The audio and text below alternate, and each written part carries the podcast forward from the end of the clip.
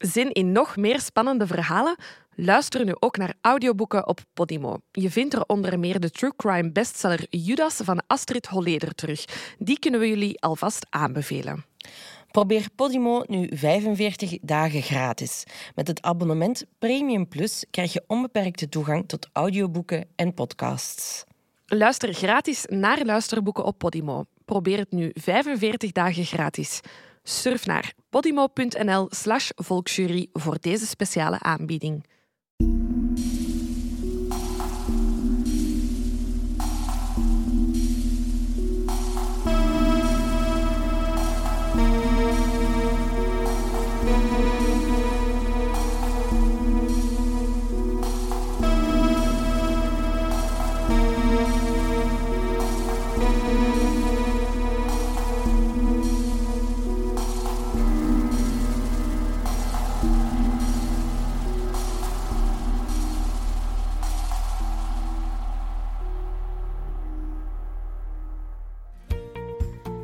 Deze aflevering is in samenwerking met Decenio.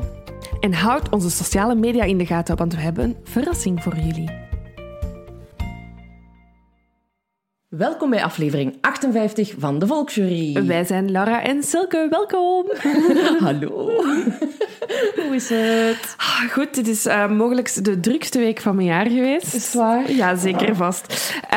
Um, ja, werkgerelateerd. Uh, zoals jullie uh, misschien weten, werk ik voor televisie. Um, en ik start maandag, want we zijn op een zaterdag aan het opnemen, omwille van mijn uh, drukke werkschema.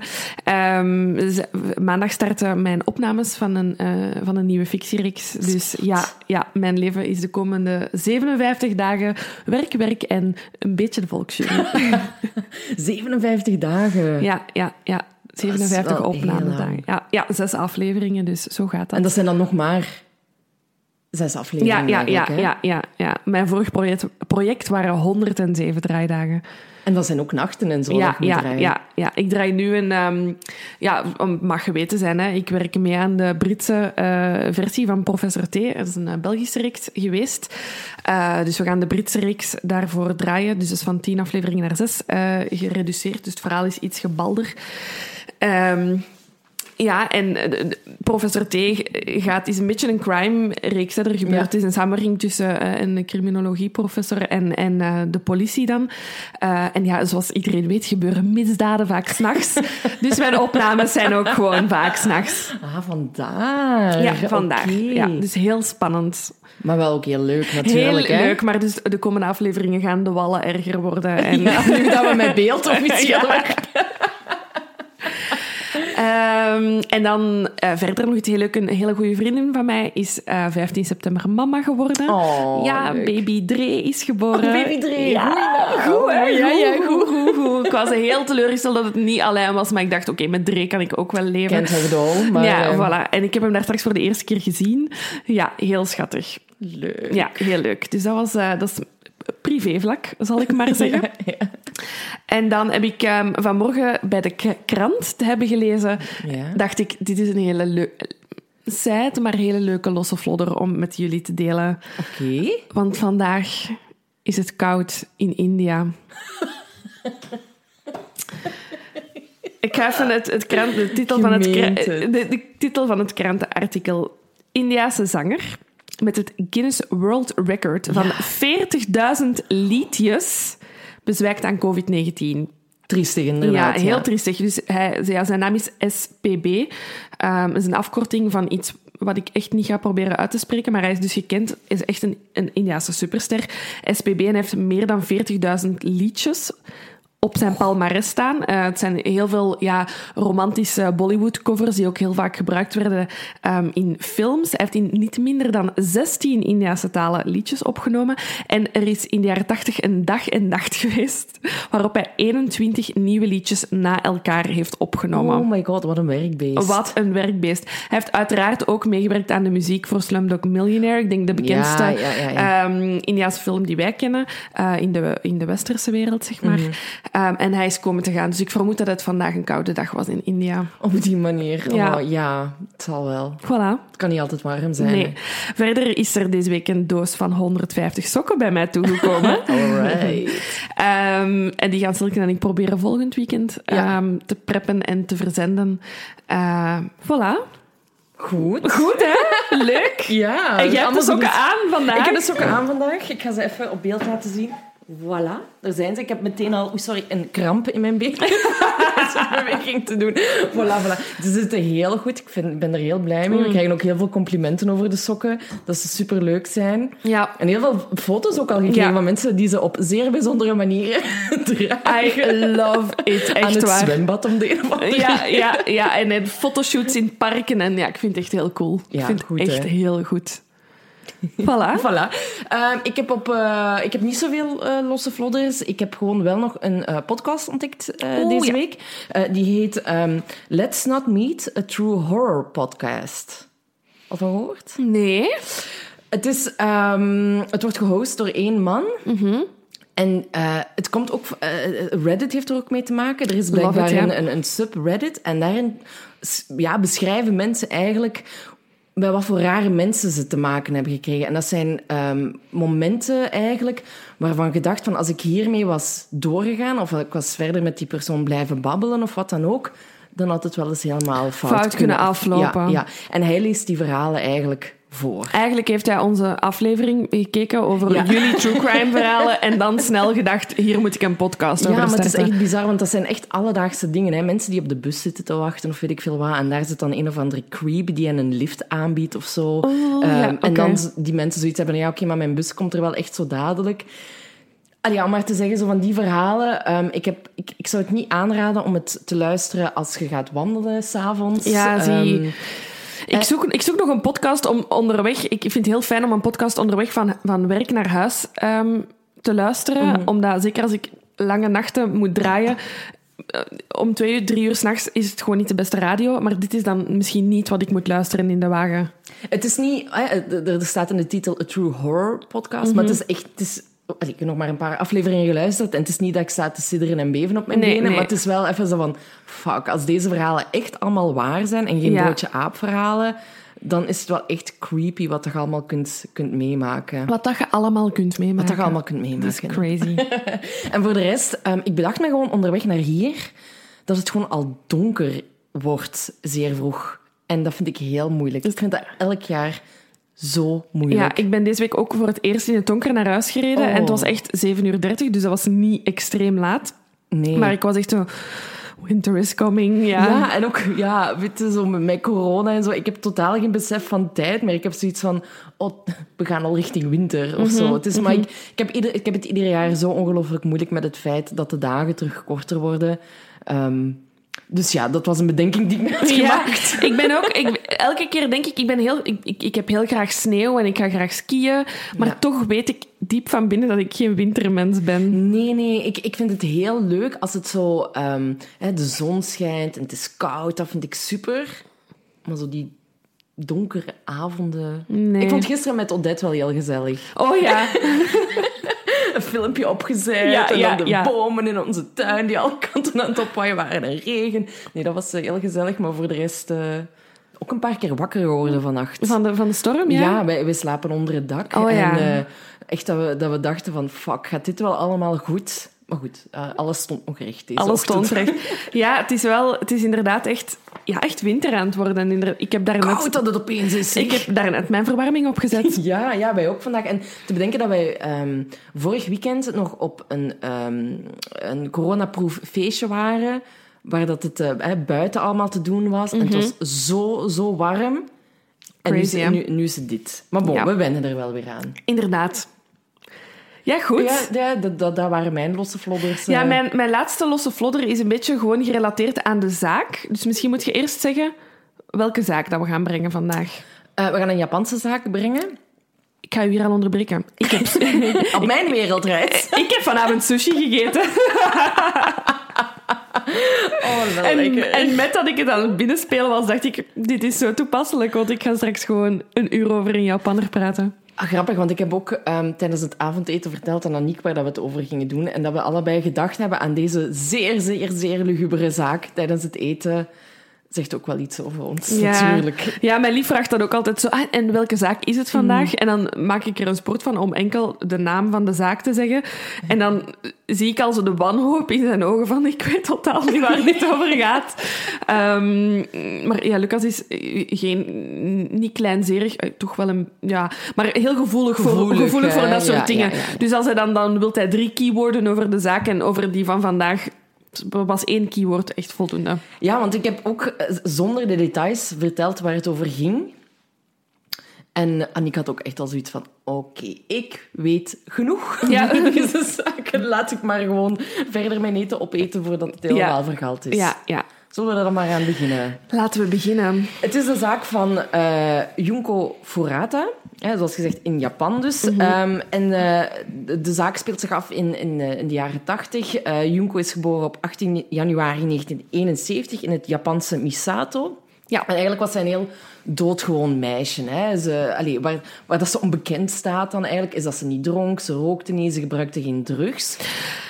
Ja, en, en dat is weer heel stereotyp hoe ik nu denk, maar dat is, dat is hoe ik mij een, een Japanse tiener voorstel. Hè, die, die Heel strikt of heel, zo. ja, heel, waarschijnlijk heel strikt opgevoed. En, en, en school en toekomst is alles. En dat is wat Junko was. Hè. Ja.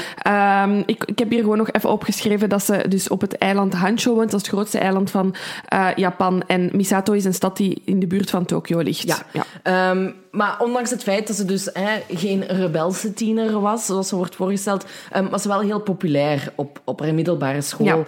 Ja. De Yashio Minami High School, voor als iemand iets zou zeggen. Eh, en ze had ook ehm, naast haar school werkte ze ook al. Hè. Ze, ze werkte part-time, eh, zodat ze eigenlijk kon sparen ja, voor, een, voor een reis die ze kon maken nadat ze afstudeerde. Ja. En ze had eigenlijk ook al net een job aangenomen in een elektronicazaak waar dat ze zou kunnen beginnen nadat ze was afgestudeerd. Ja. Dus eigenlijk, de, het plan was er helemaal. Het plan was er, ja. Ze, Ja. Heeft, ehm, ja, dus ze heeft haar ouders, een oudere broer en een jongere broer. Dus ze zijn eigenlijk met drie kinderen Ja, thuis. inderdaad. Ja. Dus eigenlijk, ja, het, het zag er allemaal goed uit. Hè? Ehm, ja, totdat ze dus in aanraking kwam met ehm, Hiroshi Miyano. Mhm. En Hiroshi, die was eigenlijk, ja, die stond bekend als een soort van de pestkop van Ja. de school. Ja. Ehm, hij, hij was ook gewelddadig. Hij claimde dat hij banden had, met de eh, Yakuza, een Japanse misdaadorganisatie.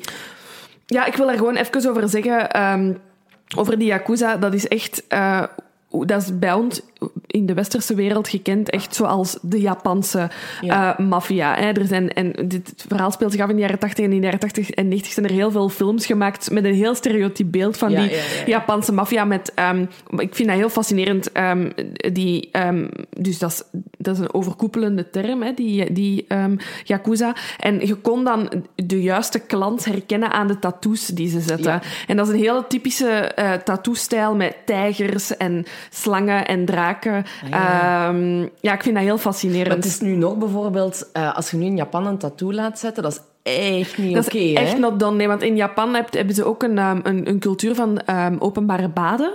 Eh, dus mannen en vrouwen, ja, wat afstemt uit, uit de Japanse middeleeuwen, denk ik, hè, dat je badhuizen had. Maar die zijn er dus nog altijd, waar dat mannen en vrouwen gescheiden eigenlijk vaak eh, in bad gaan. En het is zo nog altijd dat als je een tattoo hebt, je die eigenlijk niet mocht betreden. En dat was vroeger, vroeger omwille van de veiligheid. Ja, want ja, ja. je, wilt, je wilt geen maffiabaas naast Nee. je in een hot tub hebben zitten. En nu nog altijd ehm, hebben toeristen blijkbaar het soms moeilijk als, als je als ja, westerse of eh, ja, met een sleeve ergens binnenkomt in een, in een, ehm, Badhuis in een badhuis. Dat ze zo zeggen van nee, jij mocht hier oké. niet binnen. Ah, ik niet dat dat zo ver Ja, ging. die tatoeages Ja. zijn heel kenmerkend voor... ehm, ja, voor de, voor de Yakuza. Maar hoe dat ik het begrijp, is hij vooral... Hij schept er vooral over op, hè, dat hij er half bij... ver- Ik, ik denk dat, wij, dat hij er wel aan, aan verbonden kan worden, maar dat hij echt heel laag op Ja. de hiërarchie staat. Ja, ja. Maar echt heel, heel laag. ja. Ehm, en zoals het dan gaat bij tieners, uiteraard, heeft Hiroshi blijkbaar een enorme crush op Junko, maar echt... Hè, hij wil ermee daten. Hij, allee, hij wil Het dat zou, zijn start, vriendinnetjes- het zou de start kunnen zijn van een zaterdagavondfilm. Hè. Inderdaad, de pestkop van school wordt verliefd op het populaire, hardwerkende meisje. Ja. Helaas gaat het geen romantische komedie worden. Nee, ik, ik wil echt even waarschuwen. Dit is volgens mij de gruwelijkste zaak die we tot nu toe Ja, voor mij wel. be- besproken hebben. Ehm, we hebben al heel veel gruwelijke zaken gedaan. Ik Mhm. denk maar aan Andras Pandi bijvoorbeeld. Ehm, maar dit gaat echt nog, eh, eh, honderd keer erger. Het, het gaat heel ver en in mijn research, ehm, meestal kan ik wel ergens een, geen link vinden met de moordenaar, maar kun je sommige ehm, gedachtegangen begrijpen. En hier sta ik zo Niks. ver van die daders, ik kan het niet begrijpen. En ook in mijn research heb ik ook nergens een uitleg van die mensen gevonden. Van waarom of waarom zo? Mhm. dat ze dit allemaal hebben gedaan. Ik- ja, ik zeg het, het leest voor mij ook echt als een film, omdat ik niet kan bedenken dat iemand zo'n acties onderneemt. Ja, we gaan, ja, inderdaad. We, we gaan er gewoon Ja. op- verder op in. En dan, en dan Allee, ik, vind, ik vond het echt een heel moeilijke zaak om, om voor te bereiden. Ja. Want ik had hem wel al eens eh, gehoord, een paar jaar geleden. Maar ik weet ook niet meer in welke podcast het dat was. Maar hij is me wel... Allee, is me wel Geloof mij, bijgebleven. hij gaat jullie bijblijven. Ehm, maar bon, hij, heeft dus, hij is enorm verliefd op haar. Ehm, en hij heeft dus ook Junko meerdere keren mee uitgevraagd. Maar zij heeft hem eigenlijk ja, afgewezen. Hij heeft Ja. een blauwtje opgelopen. Eh Junko had totaal geen interesse. Nee, het begint eigenlijk ehm, op 25 november 1988. Ehm, Hiroshi eh, loopt samen met zijn vriend Nobuharu Minato eh, door de straten van Misato. Ja. Hè? Eh, dus de twee jongens... Ik, voor- gaan we in de toekomst gewoon voornamen Ja, ja, ja, dat doen? Oké, ja. ça va. Eh, dus ze lopen met twee door de straten van Misato. Ehm, en in mijn research heb ik gevonden... Ze lopen door de straten van Misato met de intentie Ja. om iemand te beroven en te verkrachten. Maar zo heel random, hè. Daar komt verder ook niet meer naar boven van wa- waarom deden ze dat? Deden ze dat vaker? Ja, maar echt zo, we lopen door de straten casual. en dit is, ja, inderdaad, we gaan casual, hebben we de intentie om iemand te overvallen en te verkrachten. Ja. Om 8 uur 30 s'avonds spotten ze Furuta op haar fiets. eh, die onderweg is van haar eh, ja, bijjobken eigenlijk en naast haar school ehm, op weg met haar fiets naar huis. Ja, en ja, Hiroshi was natuurlijk nog steeds eigenlijk woedend op het feit dat Junko haar hem had, had afgewezen. Ehm, hè, want niemand had dat tot dan ooit al gedurfd. Hè, omdat hij zo gewelddadig was, omdat hij claimde dat hij die banden had met de Yakuza. Dus Hiroshi ziet meteen een plan voor zich. Hij zegt, ik ga mij verstoppen in de bosjes tegen eh, Nobuharu. Eh, en jij gaat haar van haar fiets afduwen. Zo gezegd, zo gedaan. Nobuharu duwt haar inderdaad van haar fiets. En dan verschijnt Hiroshi opeens, die dan opeens de barmhartige Samaritaan gaat uithangen en zegt van, kijk, deze gast is super crazy. Echt, ik ga u zorgen dat jij veilig thuis raakt. Kom maar gewoon met mij mee. Eh, ik zorg dat je veilig thuis raakt. Wat opnieuw nog altijd past in dat verhaal van die romantische komedie. Hè? We zitten hier met, met, met die pestkop die dan een, ja, iets in scène zet eigenlijk om zijn crush in veiligheid te brengen. Maar niets is minder waar. Hè? Hij neemt, eh, in plaats van Junko veilig thuis te gaan afzetten, ehm, neemt hij... Ja, zij, gaat, zij is natuurlijk in shock van wat dat er gebeurd is. Ze is net van haar fiets getrokken door, eh, door een jonge man. Ehm, dus zij aanvaardt de hulp eigenlijk van Hiroshi ehm, om, om haar mee naar huis te, allee, te brengen en, en veilig thuis af te zetten. Maar zij heeft eigenlijk niet door wat dat er aan het gebeuren is. Want in plaats van naar huis te wandelen, eh, leidt hij, leidt hij haar eigenlijk naar een ehm, afgelegen ja, opslagplaats eigenlijk. Ehm, en daar onthult Hiroshi dan ook wat dat zijn echte plannen zijn. Ja, hij geeft eigenlijk meteen aan dat hij Nobuharu eigenlijk onder één hoedje speelde. Ja. Ehm, en ja, hij verkracht haar daar eigenlijk gewoon Ja. meteen. Hè. Ehm, en hij zegt ook van, ja, als je doet wat ik zeg en niet gaat schreeuwen, dan zal ik u niet doden. Nee, inderdaad. En hij haalt nog eens die banden aan die hij zo gezegd heeft met de Yakuza. En hij, ehm, hij, dreigt, hij, hij bedreigt daar eigenlijk. Hè. Hij zegt, kijk, wat dat er nu gebeurd is, ehm, is gebeurd. En je moet zwijgen hierover. En je gaat doen wat ik zeg. Anders word jij vermoord, wordt je familie vermoord. eh, iedereen die je lief heeft. Dus ja, Junko ja, heeft echt gewoon de meest crazy dag van haar leven. wat- Alles wat er net gebeurd is. Zij gaat daar weer in mee. Ehm, en Hiroshi neemt haar eigenlijk mee naar een hotel. En brengt, en, en brengt haar onder in een van de kamers van dat hotel. En daar verkracht hij haar opnieuw. Daar verkracht hij haar opnieuw. En daar blijft het ook niet bij. Hè. Nee, nee Ehm, we, zijn inderdaad nog maar tien minuten bezig. En dit is het nog Ja. lang, lang, lang niet. Ehm, hij belt zijn andere vrienden op. Hè? Dus Nobuharu eh, was al op de hoogte ervan. En hij belt naar Yo Ogura en Yasushi. vind ik wel een grappige naam. Mm. En, Sorry, dit is waarom ik zei dat ik sushi heb gegeten. en Yasushi uh, Watanabe. Volgens mij is Watanabe een heel typische Japanse achternaam of zo. Ben ik al, heb ik al vaker zien uh, passeren. Ja? Watanabe, ja, kan. Maar bon, ik ben geen expert. Dus, nee, dus we zijn uh, ondertussen met vier eigenlijk. Ja, um, ja hij, hij, belt hen eigenlijk op vanuit de hotelkamer en hij zegt, ja, kom naar hier, want ik heb hier iets interessants. Hij vertelt aan de telefoon wat hij heeft gedaan. En alsnog komen die drie jongens naar die hotelkamer. Ja, want um, Jo heeft eigenlijk blijkbaar echt gesmeekt aan Hiroshi om haar nog niet te laten gaan. Hè? Mm -hmm. Zodat iedereen... Uh, oeps, iedereen zijn, uh, zijn kans zou krijgen. Ja, dat iedereen eens, kan doen waar dat ze goesting in ja. hebben. Um, en ja, in mijn research ben ik dan ook al tegengekomen van dat ze dat ook al samen al eerder hadden gedaan. Hè? Dus het is niet de eerste keer.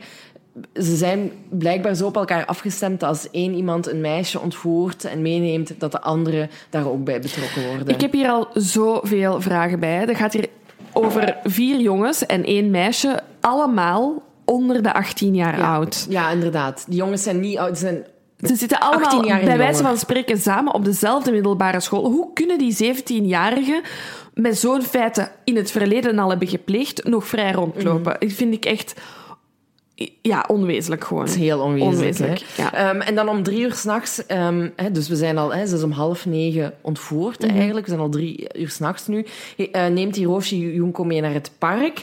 Uh, en daar um, ja, wachten Nobuharu, Jo en Yasushi hen op. Mm -hmm. en in, hun, in haar rugzak vinden ze ook een papiertje waar dat haar adres op staat. En ze zeggen van, kijk, als jij niet meewerkt, wij weten waar dat jij woont, de Yakuza gaat langskomen en gaat je familie iets aandoen. Ja. Dus Junko is echt volledig in paniek op dit moment. Natuurlijk, dat is een meisje van 17 jaar. Dit is, dit is gewoon het is sowieso al maf wat dat hij aan het meemaken is. En als je dan ook nog eens wordt afgedreigd door mensen van je eigen leeftijd. Mm. Oh, ik kan, ik vind, ja, kan, kan er mij moeilijk... Het is heel moeilijk, ja, hè? Ja, ja.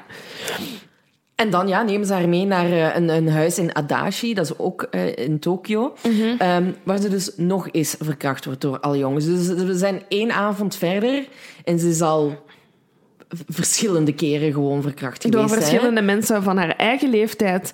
Um, by the way, het huis waar ze haar naartoe hebben gebracht is van uh, ouders van een van de jongen. Ja, van Nobuharu. Ja, ja. ja um, het, ik denk dat het wel niet um, hun ouderlijk huis is. Ik denk dat het eerder een soort van buitenverblijf is. Want op het moment dat de jongens toekomen, zijn ze wel alleen in het ja, huis. Ja, ja, ja. Okay. Wat uiteraard wel nog gaat veranderen. Ja, en het wordt, het wordt eigenlijk de, de officiële verzamelplaats hè, voor de jongens.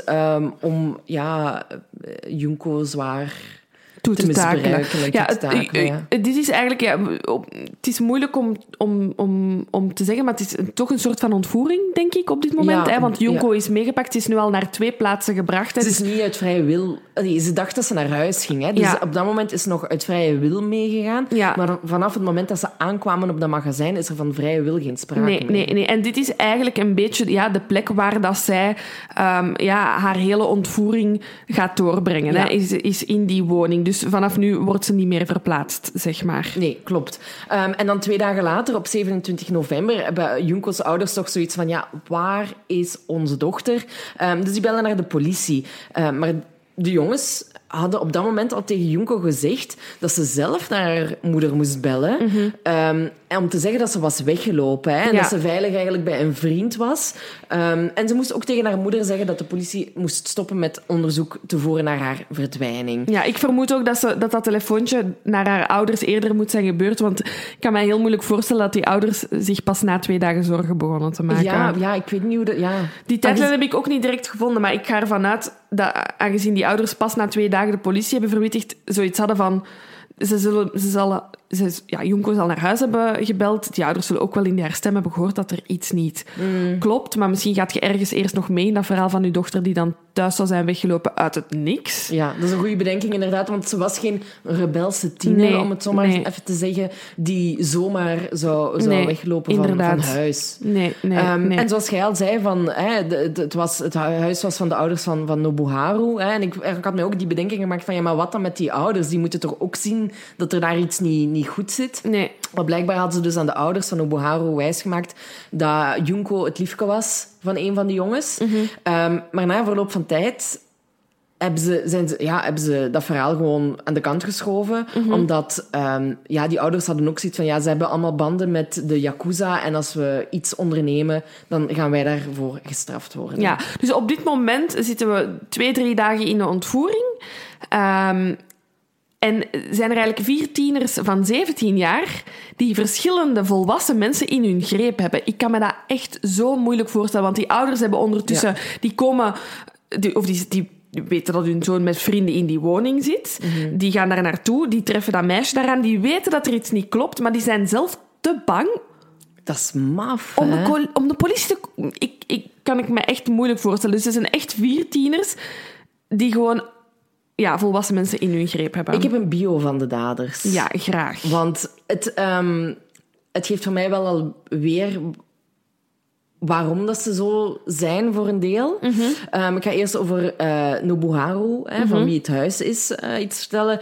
Ehm Nobuharu's ouders die leren elkaar kennen in het ziekenhuis. Zijn vader werkt als dokter, zijn moeder als verpleegster. Dus eigenlijk eh, een, een, een doorsnee gezin, gezin. ja. Ehm, maar ehm, ja, al in zijn jonge jaren werd Nobuharu vaak bij de schooldirecteur geroepen, eh, omdat hij ja, andere kinderen aan het pesten was, hij was aan het stelen. Eh, en in het middelbaar werd dat alleen maar erger en erger en erger.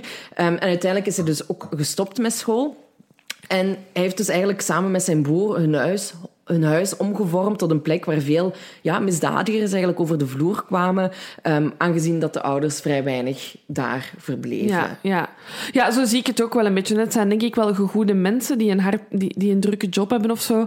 Ehm, en, en ja, gaandeweg de greep op hun kinderen zijn, zijn verloren eigenlijk. Hè. En, en ja, ik denk zonder dat ze het echt zelf doorhebben, zijn hun kinderen een soort van gangstersnest gestart in een van de woningen van die ouders. Maar zo zot dat, dat die zo, hun ouders zo in een macht Ja. hebben. Dat, daar kan ik niet van boven. Nee. Dat vind ik zo bizar. Dat zijn 17-jarige, 18-jarige jongens. Ik kreeg een klets van mijn moeder. Ah, wel ja, ik het net zeggen. En no offense, ik wil daar ook niet mee bedoelen dat ik die ouders hier be- bekritiseer, Nee. maar ik kan het gewoon heel moeilijk vatten. Ja, absoluut. Ehm, elk kind is anders en, en ik kan, ik kan- er zijn waarschijnlijk duizenden situaties waar ouders schrik hebben van hun eigen kinderen, maar het is gewoon zo moeilijk om te vatten. Absoluut, ja. Ja, en dan is er eh, Hiroshi, hè, de Mhm. jongen waar we het het allereerste over hadden. Hij wordt eigenlijk beschouwd als de leider eh, Ja. van de bende. Ehm, en hij kwam eigenlijk ook uit een heel normaal gezin. Zijn ouders werkten, er was altijd eten op tafel. Ehm, maar er was wel sprake van fysiek geweld tussen zijn ouders. Oké. Eh, ik weet niet of dat er ook fysiek geweld Naar richting Hiroshi nee. was. Ehm, en ook al in de lagere school begon hij, net zoals Nobuharu, andere kinderen te pesten. Hij ging van alles pikken en, en spullen vandaliseren. Maar ook thuis werd hij steeds gewelddadiger. Ehm, dus zijn vader is daarop naar de school gestapt en heeft om advies gevraagd. Hè. Dat is toch wel een goed, goede stap. goede stap, van, ja. Jongens, wat, wat gaan we hier aan doen? Ehm, en zij gaven eigenlijk het advies, hè, de schooldirecteur en zo, om hem naar judo te sturen, zodat hij daar misschien zijn agressie in kwijt kon. Mhm. Het is blijkbaar ook heel... Het heeft ook iets te maken met meditatie en zo. eh, ja, en is een heel eh, gedisciplineerde sport. Ja, inderdaad. En dat ging eigenlijk heel goed. Ehm Hiroshi had zo'n beetje zijn roeping gevonden daarin. En hij, werd, hij had zelfs een beurs gekregen Mhm. Ja. om naast zijn school eigenlijk naar een soort van judo-academie te gaan. Wauw, oké. Dus alles ging wel vrij goed. Maar nu kreeg ehm, Hiroshi een koekje van eigen deeg, want hij werd zelf gepest op die school. Mm. En daardoor heeft hij eigenlijk... Ja, en ook die trainingen waren heel zwaar. En het was voor Hiroshi mentaal heel moeilijk allemaal. Dus heeft hij beslist van, kijk, eh, ik stop hiermee, dit gaat niet meer. Hij is dus gestopt en is daarna ook volledig met school gestopt. Is daar ergens... Heeft er een slag van de molen gekregen of zo. Ehm, en ja, maar dan is hij wel bij, in de leer gegaan bij een tegelzetter. Dus hij had wel zoiets van, ja, ik moet wel iets doen met mijn Iets leven. doen met mijn leven, oké. Dus laat ik dat maar doen. Ehm, maar hij werd al snel toch aangetrokken tot die criminaliteit. Mhm. Eh, hij heeft van alles uitgestoken. Kleine diefstalletjes en zo. Ja. Is daarvoor gearresteerd geweest. Maar hij komt terug op vrije voeten op voorwaarde dat hij terug eh, bij die tegelzetter zijn job verder zou zetten. ja. Hè. En dat ging goed. Eh, zijn baas was ook heel blij met Mhm. hem, wat dat hem allemaal deed en zo voor hem. Maar dat veranderde dan weer toen dat hij 18 jaar was geworden. Want op dat moment geeft zijn vader hem een auto. Mhm. En ruikt Hiroshi natuurlijk weer de vrijheid. Ja. Hè? Ehm, en ja, hij, is dan ook weer gestopt met zijn job, omdat hij zoiets had ik verdien hier ook weer niet genoeg mee. En hij zal gedacht hebben, bij de Yakuza maak ik kans op meer rijkdom. Ja. Dus hij is daar dan binnengeraakt via een oude klasgenoot. Heeft hij een lid leren kennen van de Yakuza.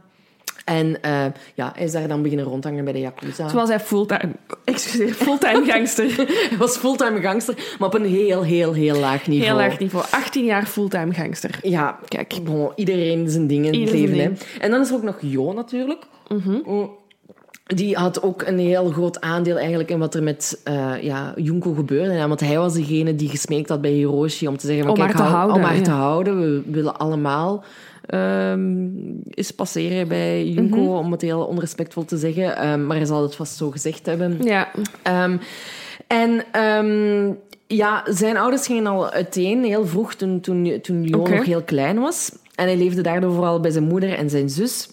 En Jo heeft eigenlijk nooit crimineel gedrag vertoond. ehm, totdat hij eigenlijk bijna ging afstuderen. Hij, ehm, was, ja, hij zat op school en op een gegeven moment zijn ze op skivakantie geweest. heeft daar een ongeluk gekregen, heeft zijn voet verbrijzeld. En dat was wel dramatisch voor Jo, want eh, hij was een stervoetballer bij zijn, Oh, eh, op zijn middelbare school. Hij Ja. had zelfs de kans om in het internationale team van Japan te gaan spelen. Maar door dat ongeval ja, zijn die dromen helemaal eh verbrijzeld die zijn ook wel groot hè, in voetbal, Ja, Japanners. Ik denk het wel. We hebben Ja. daar toch eens tegen gespeeld, ook een goede Ja, match en zo. ja, ik, ik weet dat mijn broer als kind enorm eh, eh, fan was van Ji- Jisung Park. Die heeft in eh, Ah, ja, Nederland, ja, ja, in Nederland gespeeld. Ja, dat herinner ik mij als kind nog. Ja, en hij heeft daardoor, hè, omdat hem dan die slag al heeft gehad van ik kan niet meer verder voetballen, heeft, is hem ook zijn interesse in school heel snel verloren. ja, verbrijzelde voet, verbrijzelde dromen, alles bij Alles bij, bij elkaar. Ehm, en is dan, heeft het dan zo bond gemaakt eigenlijk op school dat hem van school is gestuurd. Eh, en is dan aan de slag gegaan als elektricien en werkte daar nog steeds toen dat Junko in beeld kwam. Mhm. En dan is er nog tot slot Yasushi. Ze zijn goed bezig, zeker. Dus, maar ik, vind, ik, vind, ik, vind, ik vind het altijd heel interessant om, Om te, zien weten van waar mensen komen. van waar dat die Mhm. komen inderdaad. Wat die biografie is, wat dat die allemaal meegemaakt heb- hebben in hun leven. Wat dat er tot zou kunnen leiden. Allee, ja... Waar dat Nee, die ja. zaadjes geplant Ja. zijn Ja. geweest.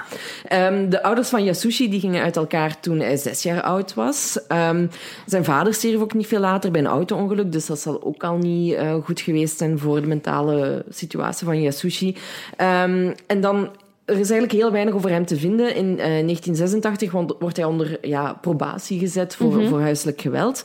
En de twee volgende jaren verandert hij echt wel in een kleine crimineel. Hè. Tot daartoe was hij, ja, hij fysiek gewelddadig naar, Ja. naar zijn partners toe waarschijnlijk. Ehm, en hij heeft nog geprobeerd om een paar jobs te doen, maar Ja. hij vond eigenlijk echt niks waar dat zijn hart bij lag. Ehm, en die vier, die kenden elkaar dus van op school. Ze hebben allemaal verschillende leeftijd, van 16 tot 18. Mhm. En ze kennen elkaar ja, van, van op school. En Hiroshi was eigenlijk de leider van de bende. En samen gingen ze dan volgens mij Ja. die criminele dingetjes doen en, en, en een vrouw eh ontvoeren, lastigvallen. lastigvallen. Ja, hoe dat ik het zo'n beetje zie, is, en dat is ook misschien omdat wij, mm, eh, of, of ik toch, een vertekend beeld heb van Japan, inderdaad, die gewoon dat zo'n prestatiesamenleving is in mijn hoofd. En als je dan het verhaal hoort van die vier jongens, ja, die vallen daar buiten. Hè, en dat zal ja, wel voor mentaal heel veel... Heel, ja, heel veel druk zorgen eigenlijk. Dat Ja. je niet past binnen het plaatje van de maatschappij dat verwacht wordt. En dan word je verliefd op Junko, die dan alles is wat die maatschappij is. Ah, dit praat dit alles natuurlijk niet goed, hè. Nee, nee, nee. Want we zijn nu inderdaad drie, vier dagen... ehm, ja, dat Junko eigenlijk opgesloten zit, ontvoerd is. Ehm, ze heeft uiteindelijk iets meer dan 40 dagen... Ja, ze weten het niet helemaal. Nee. Hè. Ze denken van 40 tot 44 dagen. Ehm, heeft ze eigenlijk vastgezeten, altijd in diezelfde eh, woning van de Minato-familie. ik heb een, ehm, en jij waarschijnlijk ook, een, op, een Somming, opsomming ja. van wat er allemaal in die 40 dagen ehm, gebeurd is. Ik wil gewoon nog even meegeven dat buiten de vier andere mensen er waarschijnlijk meer dan 100 mannen Ja. hebben deelgenomen aan alle daden, alle misdaden eigenlijk die op Junko zijn ehm, uitgevoerd. Eh, ik wil deze niet als een lijst aframmelen, maar dit is denk ik helaas wat dat we gaan moeten doen. Eh, de vier mannen hebben haar in totaal meer dan 400 keer verkracht. Eh, ze hebben haar neergeslagen, ze hebben haar uitgehongerd. Ehm, ze hebben van haar een menselijke ehm, boksbal gemaakt door haar omhoog te hangen aan haar armen aan het plafond en haar zo in elkaar te slagen. Oké. Ehm, ze hebben ja, verschillende stompe voorwerpen gebruikt om op haar borst en haar buikstreek uh, te kloppen. Ze hebben haar geforceerd om levende kakkerlakken en andere insecten te eten. Ze heeft haar eigen urine moeten drinken. Ze hebben haar geforceerd om te masturberen in, uh, ja, in het bijzijn van de mannen. Zij hebben haar geforceerd om te dansen en te zingen um, op liedjes, terwijl dat ze tegelijkertijd ja, geslagen werd door de jongens. Zij hebben verschillende objecten bij haar uh, binnengebracht, zowel in haar vagina als in haar anus. Um, waaronder onder andere een um, uh, licht, een gloeilamp, een gloeilamp ja. ja en vuurwerk. Dat trouwens ook aangestoken was. Hè? Mm -hmm. Zij hebben haar vagina in brand gestoken en haar clitoris met sigaretten en... Um, oh, ik wil briquet zeggen, dat is het woord die in aan, en aanstekers ja, in brand gestoken. Ze hebben um, hete wax over haar oogleden gegooid en uh, ja, ingesmeerd. Uh, ze hebben haar linkertepel afgesneden. Ja, toen had ik het echt niet meer. Toen ja, was, ja, we zijn er gelukkig bijna. Dus haar linkertepel afgesneden, um, haar beide borsten ge, um, ja, gepierst eigenlijk, zowel in haar tepels als uh, haar ja, volledige borststreek, um, met naalden, waarom, ja, ja, waarmee dat je... Ja, Night. Night ja. Ja, ja en op de tiende dag van haar ontvoering um, bleek eigenlijk dat, dat Junko al niet meer door haar neus kon ademen, bijvoorbeeld. Um, door het bloed dat eigenlijk opgestapeld zat in haar, in haar neusholtes. Um, haar lichaam was eigenlijk totaal kapot, al op dag tien, hè, mm -hmm. van, van alles wat dat ze heeft moeten doorstaan. Ja.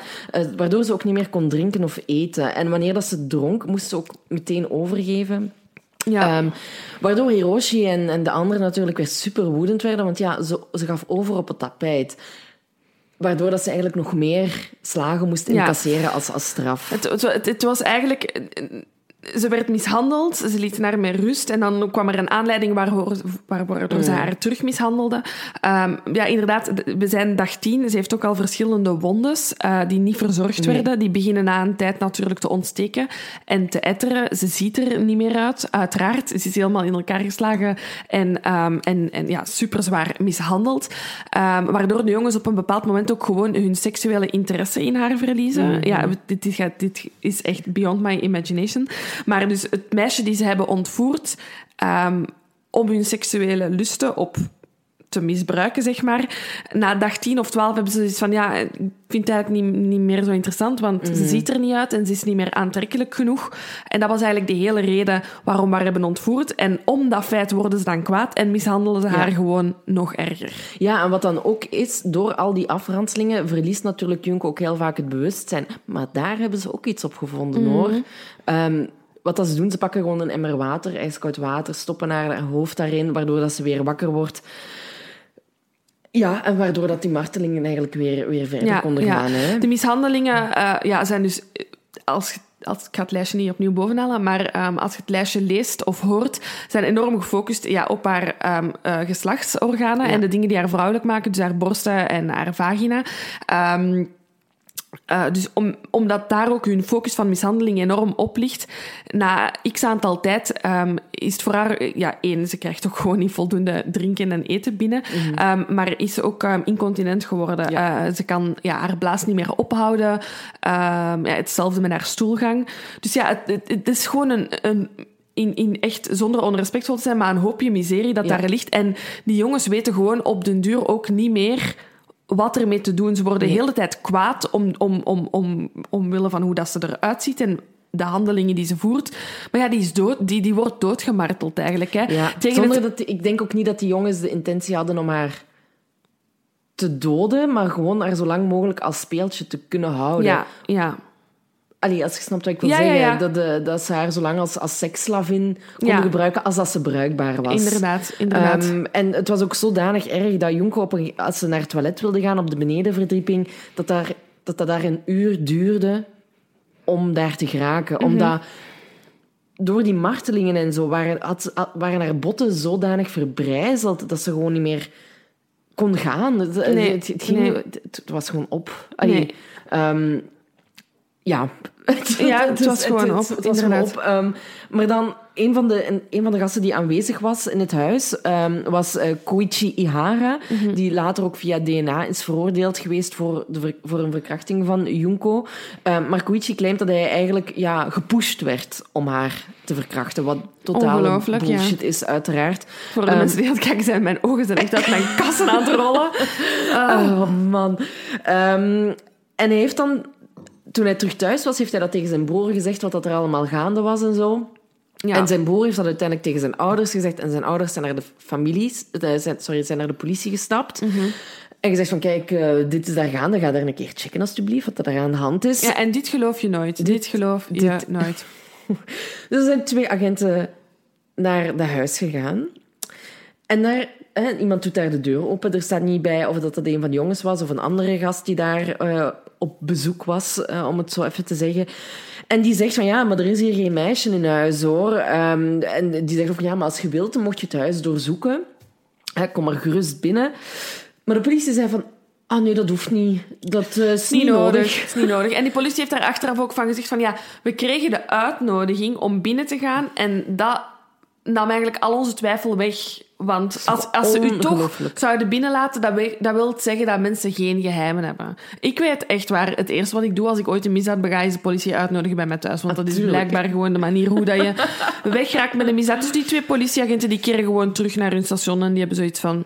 Niks aan de hand. Ehm, Nee. Die zijn later natuurlijk wel ontslagen geweest. Want dit was op dag 16. Mhm. En we weten dat Junko dus 40 tot 44 dagen had vastgezeten. Als die toen fatsoenlijk een job hadden gedaan, was Junko bevrijd geweest. Ja, dan had ze waarschijnlijk een enorm... eh, enerzijds trauma en waarschijnlijk ook lichamelijke letsels eraan overgehouden. Maar was ze nog in leven geweest? Was nog in leven geweest, absoluut. Ehm, nu, er wordt natuurlijk, omdat er zoveel mensen over de vloer komen, wordt er ook gefeest, er wordt gedronken. Hè. Ehm, en op een gegeven moment zit Junko haar kans schoon om begin september. Ehm, December, sorry. ah, excuus. Ja, toch, hè? Want ze Ah ja, ik had die ze is in november ontvoerd. Ah, ja, dat zal... Ja, inderdaad. Ja, dus ik was echt even in, de war met de tijdslijn. Excuses. Dus be- begin september eh, ziet ze haar kans eigenlijk ehm, om de politie zelf te bellen. Ja. Ehm, ze, ze, ze, ze neemt de telefoon op, ze draait het nummer. Maar nog voordat ze iets kan zeggen, ja, betrapt Hiroshi haar. Ja, En die neemt de telefoon van haar over. En, of eh, of die, die legt af. En de politie belt terug, Hiroshi neemt op. En die zegt van ja, sorry, dit was een, dit was een misverstand. Niks aan de hand. ja. En de politie gelooft dat. Ja, Ehm, ja, dus eh, de, de, de politie is al eens langs geweest in dat huis. Ehm, er wordt een noodoproep, hè, want het is wel echt zoiets. Het is niet dat ze gewoon de lokale politie belt. Ze belt echt naar het noodnummer ja. vanuit diezelfde woning. En wordt weer geen actie ondernomen. En wat ik ook eigenlijk zou willen weten voor mensen die bijvoorbeeld in een eh, noodcentrale werken of zo, van stel iemand belt u, hè, er wordt niks gezegd of er wordt meteen, hè, het is een, een, een butt call of whatever, hè, en jullie bellen terug. Hoe weet je dan dat het niet echt een noodsituatie is of dat, iemand, of dat je Ja, de dader aan de lijn hebt? Wanneer wordt er een ploeg gestuurd of zo? Ja, Als ik morgen gekidnapt word en ik bel en er wordt afgelegd, dan hoop ik echt dat ze alsnog komen. ja, maar dat is dus mijn vraag. Hoe zijn er manieren waarop dat je dat toch kunt afleiden van dit is misschien toch een noodsituatie? Of, ja. of, of- Want dat is ook wel een enorme verantwoordelijkheid. Want er zijn misschien nu mensen aan het luisteren die ehm, al in contact zijn gekomen of, of werken voor een noodcentrale. Het is natuurlijk een enorme verantwoordelijkheid om die keuze te leggen bij iemand. Ja, bij zo iemand die de telefoons daar opneemt. Hè?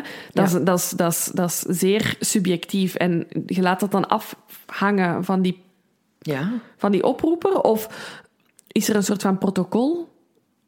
Wil ik wel dat weten. wil ik ook wel inderdaad weten. Daarom bij deze weer een warme oproep. Een warme oproep aan alle noodcentrale bellers. Maar ja, Junko wordt natuurlijk daar ook weer voor gestraft. Hè. Ja. Ehm, dit is ook zeer, zeer gruwelijk. Ehm, als straf hebben de jongens ehm, ja, zo aanstekervloeistof op haar benen eh, Gegoten. gegoten. En hebben haar benen in, in, in, in brand gestoken. Ja. Hè. Eh, en daarop is Junko, Junko beginnen stuiptrekken. Maar de jongens dachten dat dat een grap was. Of dat ze allee, het fakten eigenlijk. Waardoor dat ze nog meer gestraft werd. Omdat ze zoiets hadden van... eh, met ons doet Moet je niet zollen, nee. inderdaad. Eh, dus ze werd nog meer verkracht en gemarteld. En Junko ze eigenlijk op dat punt al, al meerdere keren gevraagd hebben aan haar gijzelnemers van... Jongens, dood mij gewoon. Ja. Want eh, ik, dit, dit heeft gewoon geen zin meer. Dit, Ik kan niet meer, kan ja, niet ik meer, kan niet meer, inderdaad. Ehm, maar ja, de, de martelingen gingen eigenlijk gewoon verder. Hè? Echt waar dat je zo ver moet gaan om te smeken voor je eigen dood. Ja. Ongelooflijk. Ah, ik krijg er, ik krijg er weer kippenvel van. ja, en ze moest ook zelfs in de winter op het balkon slapen. Mhm. Ehm, en ze werd ook zelfs opgesloten in de diepvriezer af en toe. Hè? Ja. Ehm, ja, dus ik, ja, ik, ik heb een beeld voor mij van Junko. En dat zal nog waarschijnlijk niet zo erg zijn als dat het er in het Als wat er effectief... Ja. Want uiteraard, ehm, al deze gegevens die wij hebben... komen uit het proces, dus er is wel degelijk een proces geweest. Maar dit is gebaseerd op getuigenissen en bekentenissen van de mensen die in dat huis zijn geweest. Ja. Van de vier hoofddaders, laat ons En stellen, ik het zelf. wel straf dat ze dit toch al hebben toegegeven. Dus het feit, dat is wat ik wil zeggen. Ja. Ze hebben dit al toegegeven. Wat is er dan nog gebeurd? Wat dan? is er dan nog gebeurd? Ehm, Nu, wat ik nog wil, wil zeggen, ehm, is dus, eh, jij gaf eerder al aan dat ze eh, haar niet meer seksueel in haar geïnteresseerd waren, Ehm, omdat dus Junko's gezicht zodanig ook was opgezwollen eh, en dat haar lichaam ook op een gegeven moment gewoon begon te rotten, hè, omdat, die, omdat die wondes helemaal niet verzorgd werden en zo. Dus hebben de jongens het idee van, we gaan gewoon een andere vrouw ontvoeren en verkrachten. En dat hebben ze ook effectief gedaan, een 19-jarige vrouw. En die hebben ze dan wel weer vrijgelaten. ja. Maar bon, hè, ja, zoals gezegd... de- Allee, het is echt, ze- Junko was echt gewoon niks meer dan een seksspeeltje voor die gasten. ja, en dan op den duur was het gewoon een pak last waar dat ze hun frustraties op hebben uitgewerkt. Inderdaad. En het loopt ook echt gewoon totaal niet goed af. Hè? Nee, het loopt niet goed af. We zijn, ehm, op, we zijn nu 4 januari 1989. Stel u voor, hè, dus die heeft daar echte feestdagen en nieuwjaar moeten doorbrengen. Sorry, ik vind dat met dat het zo donker wordt. En, en dat is echt zo de sfeer van gezelligheid dat ik mij daarbij voorstel. Ehm, oh my god, oké. Maar we zijn dus 4 januari ehm, 1989. En ehm, Hiroshi speelt een eh, spelletje Mahjong. Zo- Zalig spel trouwens, ja, leuk spel voor de mensen die het kennen. Ehm, en hoe dat ik het heb begrepen, speelde Junko mee. Hiroshi had gevraagd aan Junko of dat zij met hem wou spelen. En ook- dan, wa- wat ging ze zeggen? Nee. Ja, voilà. Ik bedoel, ze zit daar met haar ontvoerders. Ehm, dus. Maar ook zo... Ja, sorry dat ik je onderbreek, maar ook zo absurd, hè. Van martelingen naar... Oh, laten we gewoon gezellig eens een spelletje want, spelen, want je zult je vast vervelen of whatever. Of wat is daar... Ja, of je hebt even tijd. Ja, maf. Maf. Enfin, Of het is ook een. Sorry, een machtsspel, letterlijk, Ja, hè. ja. Ehm, hier heb ik even bij moeten glimlachen. Even gewoon de absurditeit van deze situatie. Dus Hiroshi vraagt aan ehm, Junko om met hem dus dat Mahjong-spel te spelen. En Junko wint. Hoe zalig is dat? Sorry, dat, was, dat maakte me even... Ik dacht echt zo... De laatste power dat die Griet heeft... Die is echt al... Ik, ja. zou, ik zou dit nooit hebben kunnen uithouden. 40 tot 44 dagen lang. Ik- maar, oh, Ik zat ja, al lang, lang, lang op. Ook het feit dat... Ik weet het niet in hoeverre, maar... eh, dat is- misschien had ze de kracht ook niet meer om, om zelf het- een einde te maken aan haar Ja. leven of zo. Hè? ja, nu... Ik, ik- zelfmoord ligt heel gevoelig hè, in, in Oosterse landen. Dat is, dat is voor hen echt nog meer dan bij ons. Echt boeten en schaamte. Ehm, ik weet het niet. Ja, ik had mij ook van... de- de kracht ook gewoon Ja, de, hè. gewoon echt ook geen kracht, inderdaad. Ik bedoel, op dag vier is hij al door 100, is al 100 keer verkracht geweest. Maar Junko wint dat spel. Ehm, en ja, daar is Hiroshi absoluut niet blij mee. Hè. Eh, en dit is, dit is wat dat de onderzoekers achteraf beschouwen als ja, de laatste dag eigenlijk eh, van, eh, van Junko's eh, leven. Hiroshi verliest dat spel, dus hij moet zijn negatieve gevoelens nog eens extra... ehm, Gevoelens. Ja, ja, ik kan het niet anders beschrijven. Zijn negatieve elementen in zijn lichaam uiten. En uiteraard is Junko daar weer het slachtoffer van. Eh, de jongens slagen haar nog eens in elkaar met een ehm, ijzeren bel. Ja, zo'n halter, zo waar dat je mee gewicht eh, Ah, ja, ja, ja. Oké, ja. Ehm, ja. Ze slagen haar, eh, ze shotten haar, ze, ze kloppen haar. Er worden twee kaarsen op haar oogleden geplaatst, in brand gestoken, totdat die helemaal ja, in haar ogen eigenlijk zijn uitgebrand. Ehm, ze proberen haar terug recht te zetten, ze kloppen haar weer neer. Ehm, Ja, want dat was wel straf. De jongens beseften eigenlijk dat Junko nog steeds op haar benen kon staan. ja, en hè. dat vonden ze niet kunnen. En dat... Straf, sowieso al. Dat Mhm. Junko nog die krachten wist te halen van ik blijf mij verzetten Ja, ja, ja. tegen wat dat er hier aan het gebeuren is. En inderdaad, waar, waar, waar dat ze eigenlijk daarna haar voeten verbrijzelen eh, met een voorhamer. En een voorhamer is zo'n gigantische hamer dat ze gebruiken. Ehm, waar, waarop Junko eigenlijk dus opnieuw die stuiptrekkingen kreeg. Ja. En dat ze neerviel op een stereo. En alsof dat nog niet genoeg was, eh, hebben de jongens haar daarna nog overgoten met opnieuw aanstekervloeistof en hebben ze haar opnieuw in brand gestoken. Er kwam zodanig veel etter uit haar wonden dat de jongens zoiets hadden van oké, nu willen we haar echt niet meer aanraken. En hebben er niks beter op gevonden van hun handen in eh plastieke zakken te steken. Waarna ze haar gewoon meer verder konden afranselen. Hoe psychopathisch kunt je zijn? Degoutant, echt waar. Sorry, maar, maar opnieuw, hè. We zijn, die zijn daar 40 dagen mee bezig. Dat kan, dat kan toch niet dat in die in hoofd op geen enkel moment die zoiets hebben van... Oei, deze is niet goed. Wat Dit dat is niet oké. Ja. Nee.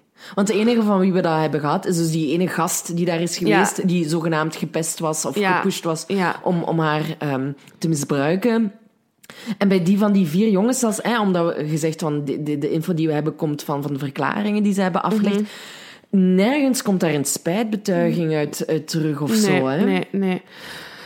Ja, het eindigt dan eigenlijk inderdaad met dat ze haar dus terug in brand steken. Ehm Junko zou nog een poging hebben gedaan om zichzelf ja, te blussen. Ze hadden, haar, eh, ze hadden haar voeten vastgebonden, zodat ze niet kon ontsnappen, als ik het goed heb. Ja, En ze heeft dan met haar handen inderdaad nog geprobeerd om ja, het, het, het vuur uit te doven. Ja. Ehm, ja, uiteindelijk verliest het, ehm, ja, het bewustzijn. Die laatste aanval heeft meer dan twee uur geduurd. Ehm, en ze schatten dat ze waarschijnlijk later die dag is overleden aan de laatste aanval en alle verwondingen eh, die voorheen zijn uitgevoerd. Oké. eh, het is... eh, ik weet niet of dat er nog een manier was geweest voor haar om te ontsnappen of om, of om vrij te komen. Om vrij te komen enerzijds en om, sorry, dit trauma boven te komen, ja. boven te komen. Ik had, daar, ik had daar gewoon doodgewenst na dag één. Omdat ik dit wenst je niemand toe. Nee. Ik heb nog nooit zoiets gruwelijks gelezen voor, voordien. Dit is echt... Want bijvoorbeeld dat van René Hartenveld was ook zeer, zeer gruwelijk. Maar bij Mhm. haar was het... Ze heeft niet eens geweten, volgens mij, als ik me goed herinner. Is zij langs Nee, achteraan ja. gevallen. Heeft Zij was dood. geweten. En de feiten die achteraf met haar lichaam zijn gebeurd, zijn natuurlijk uitermate gruwelijk. Tuurlijk. En we moeten ook geen moordzaken vergelijken, Nee. vergelijken, maar ik heb dit gewoon echt nog nooit gelezen. Absoluut. Nu goed, de, ja, de, de, de volgende ochtend ehm, heeft de broer van Nobuharu, van, van wie het huis was, ehm, naar een bloemenwinkel eh, gebeld. En die werd gerund door de Yakuza. Waar de jongens ook vaak zaten om voor de Yakuza te werken en zo. Dus die waren daar met loesje zaakjes, dus ook nog steeds mee bezig. En hij heeft dan gebeld en gezegd van, kijk, eh, Junko is overleden. En de jongens dachten toen van, fuck, Ja. wij gaan hiervoor veroordeeld worden. Ineens hadden ze door Ja. wat dat ze aan het doen waren. Inderdaad, ze hadden opeens echt door van, oké, dit, dit is niet goed. En nu kwamen ze er opeens achter van, oké, misschien zijn we toch te ver, te, Ja. ver te ga- gegaan. Ehm, ze, en ze zijn daarom ook weer met een soort van plan gekomen, hè, om eh, het lichaam van Junko te dumpen ergens. Ehm, ze hebben het lichaam van Junko in dekens gestoken gewikkeld en hebben haar daar, daarna in een koffer gestoken. En omdat Hiroshi dus nog in de leer was geweest bij zo'n tegelzetter, heeft hij van zijn baas nog een, zo'n pick-up truck kunnen lenen en ook zo'n gigantische ton. Ehm, eh, ja, en waar dus, dus allee, ja, een cementmixer heeft hij ook nog eh, kunnen lenen. Dus je voelt mij al Ge- ja, aankomen je voelt ons waar al dit komen, naartoe ja. gaat. Ehm, dus ze hebben dus Junko in die ton gestoken. En hebben het dan vol ja, beton gegoten eigenlijk. Ehm, en ze hadden dan het plan om die ton te dumpen in de zee. Mhm. Maar onderweg zijn ze van plan veranderd. Want ze, hebben dan, eh, ze zijn een soort van verlaten plek tegengekomen. Mhm. waar, dat heel veel men, waar heel veel mensen van gebruik maakten om zo hun, ja, hun afval te dumpen. Hè, zoals Ja, een sluikstorten, koelkasten ja. en, en hun afwasmachines en weet ik veel wat allemaal. Dus ze hebben Junko daar ook gewoon gedumpt. Nu, flashback naar het moment dat ze die 19-jarige vrouw hadden verkracht en ontvoerd omdat ze Junko beu waren. Ja. Ze worden daarvoor op 23 januari in, 19, op 19, in 1989 worden Hiroshi en Jo daarvoor gearresteerd voor die misdaad. En pas twee maanden later, omdat ehm, Japan kent niet zoals wat dat wij hier kennen, die 48-uren regel van je moet tegen dan bewijs hebben. Ja.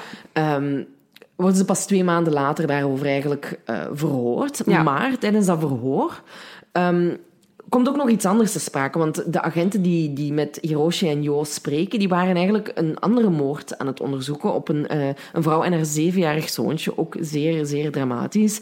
En die moorden waar, hadden plaatsgevonden negen dagen voor de ontvoering van Ja. Junko. Hè? Dus die, die leggen al... Ja, ik weet niet... Ze, ze zijn nog niet echt bezig met Junko op dat moment. Ze zijn echt bezig met Haar moord, lichaam is hè. op dat moment ook nog niet gevonden. Hè?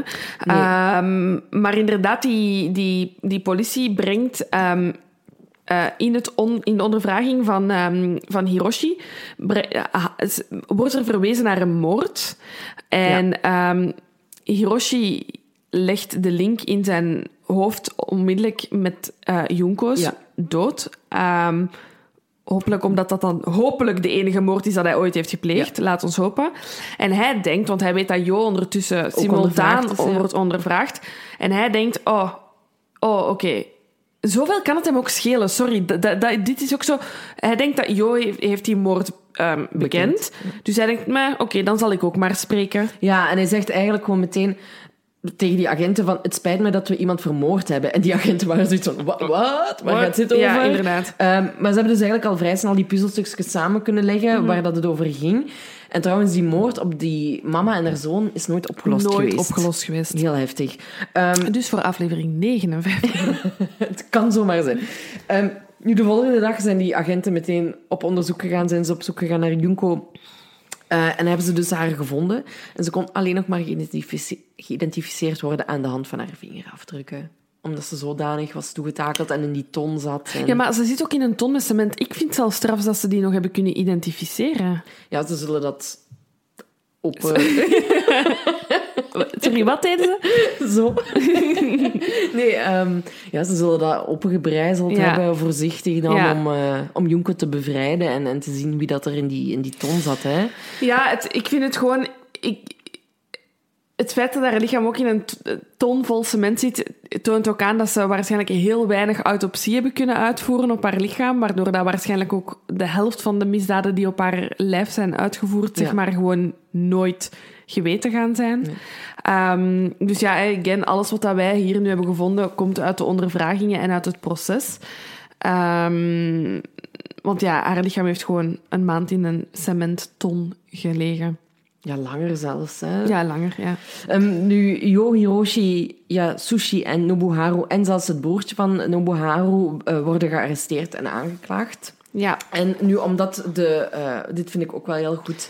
eh, omdat de daders allemaal vrij jong waren en ook, ook minderjarig de meeste op het moment van de feiten, werden hun namen door het gerecht niet gedeeld met de politie, eh, met, de, met het publiek, sorry. Ehm, terwijl Junko haar naam natuurlijk overal wijd verspreid was. En er was één magazine die zoiets had van, ja, maar jongens, zo gaan we het niet spelen. Wij gaan die namen ook delen van de daders. Want als Junko geen recht heeft op privacy, dan deze dieren ook niet. inderdaad. Ik ben altijd voor het recht van privacy. Voor mij mogen daders...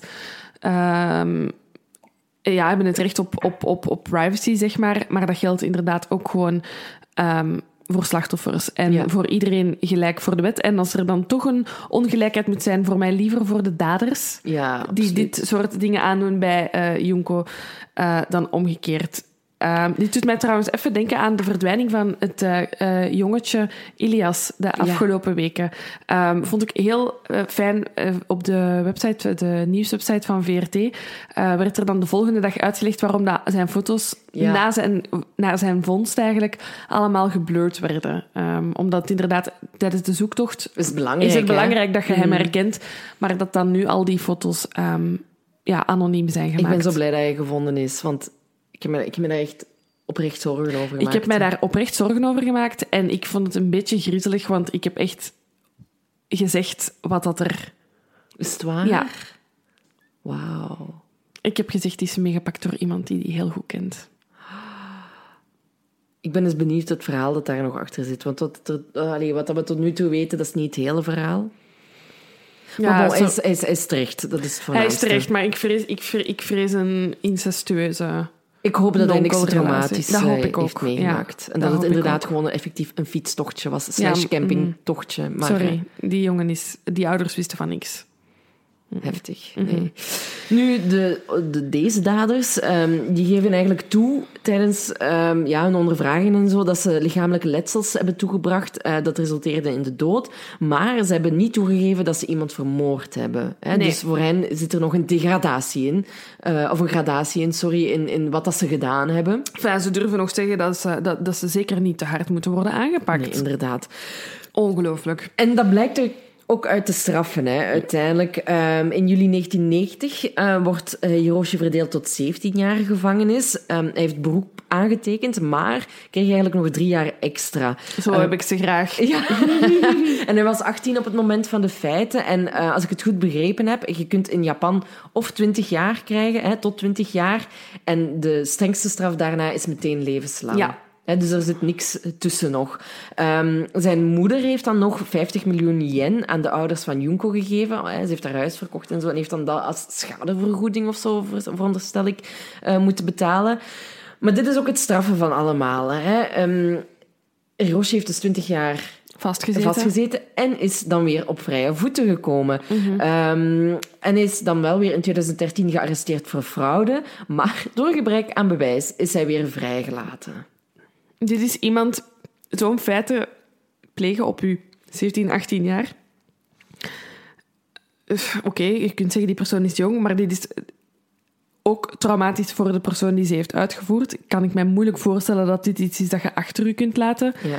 Die gaat nooit een normaal leven, die gaat nooit de draad kunnen oppikken. Wat, wat ik een beetje mis in, hè, als we zelfs nog de andere straffen gaan zien, is ehm, dat ze allemaal naar de gevangenis zijn gestuurd. En ik, ik heb nergens iets gelezen dat ze psychologische bijstand of weet ik veel wat eh, hebben gekregen ehm, om hen te rehabiliteren. ja, niet per se om ocharmen, hè, de daders, maar zodat ze terug in de. Want het zijn jonge gasten, hè. Ja, het is en, waar. En, dat, en dat vind ik heel moeilijk altijd als het om, om minderjarigen gaat, terwijl dat het heel gruwelijke feiten zijn vind ik natuurlijk altijd wel dat er een mogelijkheid moet zijn, als je die leeftijd hebt, om terug te kunnen reïntegreren in de samenleving. Maar ik merk aan deze straffen nergens een, een, een, Nee. een, hul- een hulplijn. Nee, en ik denk ook wel echt dat dat iets is dat we heel recent maar zijn beginnen doen. Kijken naar het leven achteraf. We hebben heel lang, eeuwenlang, mensen gestraft. En als uw straf erop zat, zand erover en kom buiten. Terwijl we weten dat die daden uitvoeren, dat is, al, dat is iets dat komt van ergens waarom dat je een misdaad pleegt. En dan kom je in de gevangenis terecht, wat even traumatisch is. En dan word je losgelaten in de, in de wereld die voor u heeft stilgestaan, maar is door blijven draaien, wat gewoon de kans op herval Ja. gewoon heel groot maakt. En de- ik denk dat dat een van de grootste uitdagingen is. Onze gevangenissen zitten supervol. Er worden steeds kortere straffen uitgesproken om, om, om die druk in die gevangenissen weg te nemen. Maar de focus moet in de toekomst echt liggen naar iemand terug in de maatschappij te krijgen. Ja, ja, daar ben ik het totaal mee eens. Voilà. Dat, sorry, dat even. ik heb hier een duidelijke mening over. En dan eh Nobuharu, hè, van wie het huis was, kreeg in eerste instantie een celstraf van 4 tot 6 jaar, maar heeft dan in beroep een straf van 5 tot 9 jaar gekregen. Dat Ehm, heb ik graag. Hij was 16 op het moment van de feiten. Ehm, zo jong. Zo jong, hè? Ah, Peer pressure. Nee, Ja, nee, Mm, nee, dit nee, is- totaal niet. Ehm, dit is meer, veel meer dan dat. Eh, zijn ouders en zijn broer hebben geen straf gekregen uiteindelijk. Ehm, maar de ouders van Junko, die wonnen wel nog een civiele procedure tegen de ouders van Nobuharu. Ja, en maar het beste ook, hè. Ja. Sorry. Hoeveel schrik kunt je hebben 40 dagen lang van je zoon? In uw eigen huis. In je eigen huis. Ja, ehm, nu na zijn vrijlating trok Nobuharu in bij zijn moeder. En nog zeer recent, in 2018, eh, is hij opnieuw gearresteerd geweest voor een poging tot moord nadat hij een 32-jarige man had geslagen met een metalen staaf en zijn keel had doorgesneden. Niet goed, hè? Ik, Ja, het is echt huilen met de pet op. en, ja, en opnieuw mis ik gewoon weer het rehabiliteren. Ik, misschien dat er ook niks aan te doen was, hè, maar ik, ik mis... Ja, Het doet mij ook weer denken aan de zaak van, Re- van René Hartveld. Ook over hoe dat die moordenaar Ah, ja. dan zo een semi-celebrity is geworden. Oh, sorry, Japan kan... eh, toch is moeilijk, een hè? raar land. En dan is er nog ehm, Yasushi, die kreeg eh, eerst drie tot vier jaar gevangenisstraf, maar dat werd dan ook weer verlengd. Naar vijf tot zeven jaar. Hij was 17 op het moment van de feiten. Ik heb geen idee waar dat hij nu uithangt of wat Nee. dat er met hem gebeurd is. Nee. En dan tot slot, ehm Jo werd acht jaar naar de gevangenis gestuurd. Wat ik opmerkelijk vind dat Hiroshi tot eh, 17, 20 jaar is veroordeeld. Terwijl Jo toch ook een zeer serieuze rol heeft gespeeld. ehm, en Nobuharu. Het, hè. Iedereen... Maar voor mij, voor Dus mij allemaal. hè. Oké, allemaal, je kunt ja. zeggen, ik, ik denk dat je Hiroshi als zwaarste kunt straffen. Waarom? Hij is duidelijk de leiderfiguur en hij heeft de eerste actie ondernomen. Maar voor mij is dat een verschil van een jaar of zo. Hè? Ja, In absoluut. gevangenissen. Voor Absoluut. mij. Want als, als Hiroshi er bijvoorbeeld niet was, dan had Jo de leiding wel. Mhm. Dus ja... Ja, ja. Ehm, nu, hij was 17 op het moment van de feiten. Ehm, en hij is dan, ja, uiteraard, hè, na acht jaar vrijgelaten. En in 2014 werd hij opnieuw gearresteerd. Omdat hij iemand, ja, een kennis had aangevallen waarvan hij dacht dat hij eh, een relatie had met zijn vriendin. Hè? Dus dat zijn vriendin een affaire had. Oh, man. Die man heeft ook nog een vriendin gevonden. Ja, dat ook al, hè. Ehm, hij werd dan daarvoor veroordeeld tot zeven jaar gevangenisstraf. Sorry, nee, ik ga er even op terugkomen. Ja. Dus die heeft, er is effectief een persoon, man of vrouw, maakt mij niet uit, dat met zo iemand die dit op zijn kerfstok heeft, Maar dat is niet uitzonderlijk, hè. een relatie kan beginnen. Het is niet uitzonderlijk. Kijk maar naar, naar de relaties die Ted Bundy nog gehad heeft. En- ik weet het, ik weet het, maar ik kan dat echt niet vatten. Dat zijn mensen die daar tot, ja, tot, zich tot aangetrokken voelen op de een of andere rare Ik, ik manier. zeg niet dat elke misdadiger, elke, el- elke, elke misdaad dat je begaat, dat, Dat je je die persoon niet ja. kunt vergeven. Ehm, Of dat je geen wow, liefde maar- verdient of Nee, whatever. maar, maar bij- maar bij seksuele misdrijven vind ik dat zo Hmm. moeilijk. Ik snap je hoor, ik heb mij die bedenking ook gemaakt. Oké. Dus hij is voor die tweede misdaad, hè, onze Jo, veroordeeld tot zeven jaar gevangenisstraf. Ehm, maar hij is ondertussen weer op vrije voeten. En eh, de moeder van Jo zou het graf van Junko nog gevandaliseerd hebben, omdat ze vond dat Junko het leven van Jo verwoest had. Moms, echt waar. Moederliefde, ik, ik, ik, ik, heb, ik heb zelf nog geen kinderen. Ik, ik heb het nog niet ervaren. Maar ik zie mijn mama dit niet doen. Dat zijn ouders die volgens mij ja, blijven geloven in de onschuld van hun... Van hun ik, ik denk dat ze misschien wel aanvaard heeft dat Jo bepaalde zaken heeft... Stoute ma- dingen heeft stoute gedaan, dingen maar heeft, toch maar, niet zo stout dat... Allee, hè? Maar dat, het schuld, dat de schuld weer bij het slachtoffer wordt gelegd, zoals zo vaak gedaan ja, wordt. dit hè. is echt weer victim blaming, niet normaal. En wat ik nog als laatste heb, ehm, is dat de begrafenis van Junko op 2 april 1989 was. En ehm, dat de toekomstige werkgever, hè, waar Junko normaal gezien zou gaan werken, haar afstuderen, ehm, haar uniform eigenlijk heeft gegeven aan haar ouders. ehm, als ja, een soort van Ja, ik heb ook nog opgeschreven dat tijdens de eh, rechtszaak, eh, die niet achter gesloten deuren is gevoerd, maar waar dat dus ook publiek bij aanwezig kon zijn, mensen zijn flauwgevallen bij het voorlezen van de feiten. Ja. Kan ik echt waar begrijpen. Ik heb ook nog eh, gelezen dat eh, Junko tijdens de autopsie eh, zwanger bleek te zijn. Ja, ik ben blij dat je die tot het einde bewaart. Ja, En ondanks de zware schade aan haar baarmoeder. Voilà, kijk, de, mijn conclusie van de zaak is: een vrouwenlichaam is het sterkste wat er bestaat op de hele wereld. Oh, sowieso. sowieso, geen twijfel. En, ehm oh mannetjes, die jongens. 17 jaar oud. Ja, en ook het feit dat die gewoon op vrije voeten zijn. Hè? Ze doen hier en daar een misdaad, gaan even de gevangenis in.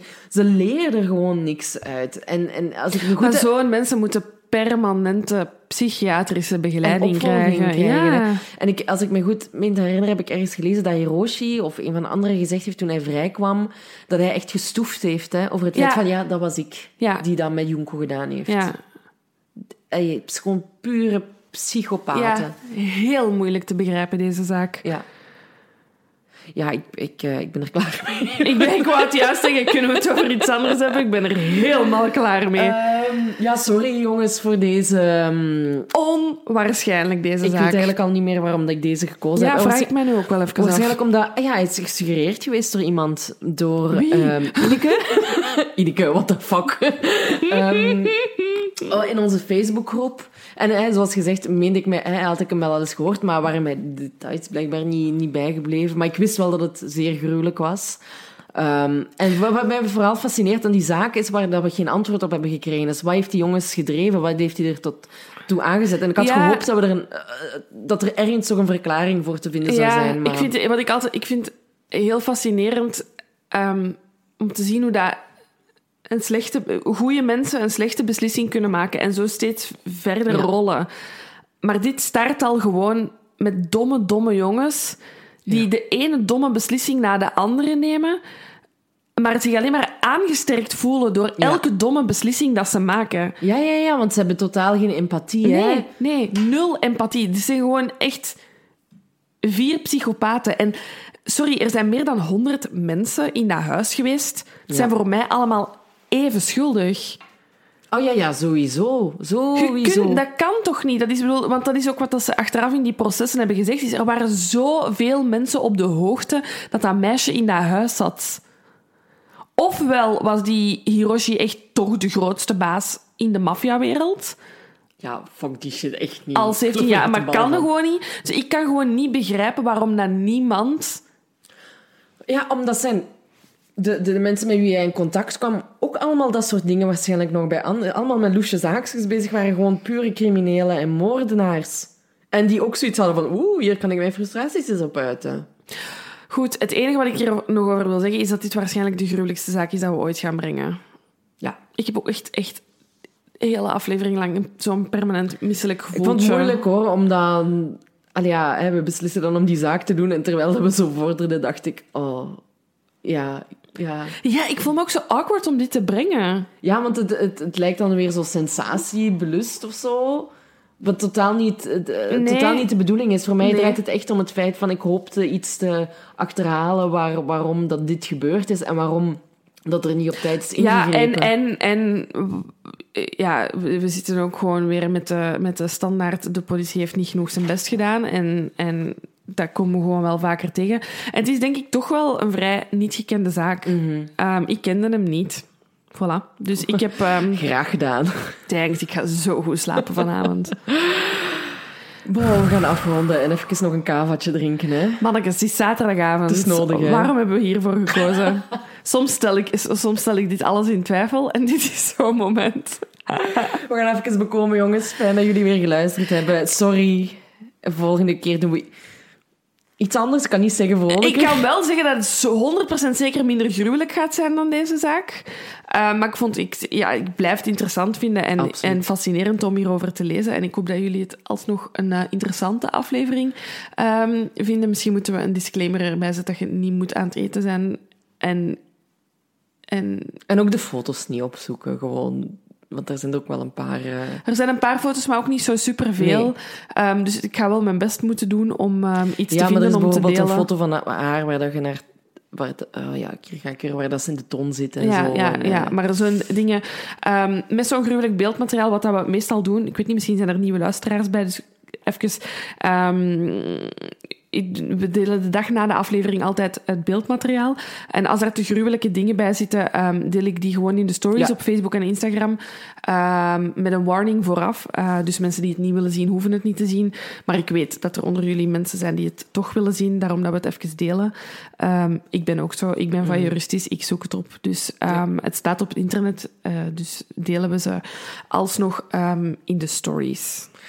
Voilà daar waren de praktische zaken nog bij deze zaak. Um, we houden jullie op de hoogte in verband met de sokken. Met de sokken, met... Um, Onze live shows. Er live shows, want misschien moeten we toch al zeggen dat er, dat er wel nog één live show aankomt dit jaar. Ja, ja, ja, ja, absoluut. In, uh, in, uh, in Kortrijk. Ja, er komt in kort. Ja, ja, misschien hadden we dat. Ja, misschien moeten we dat gewoon.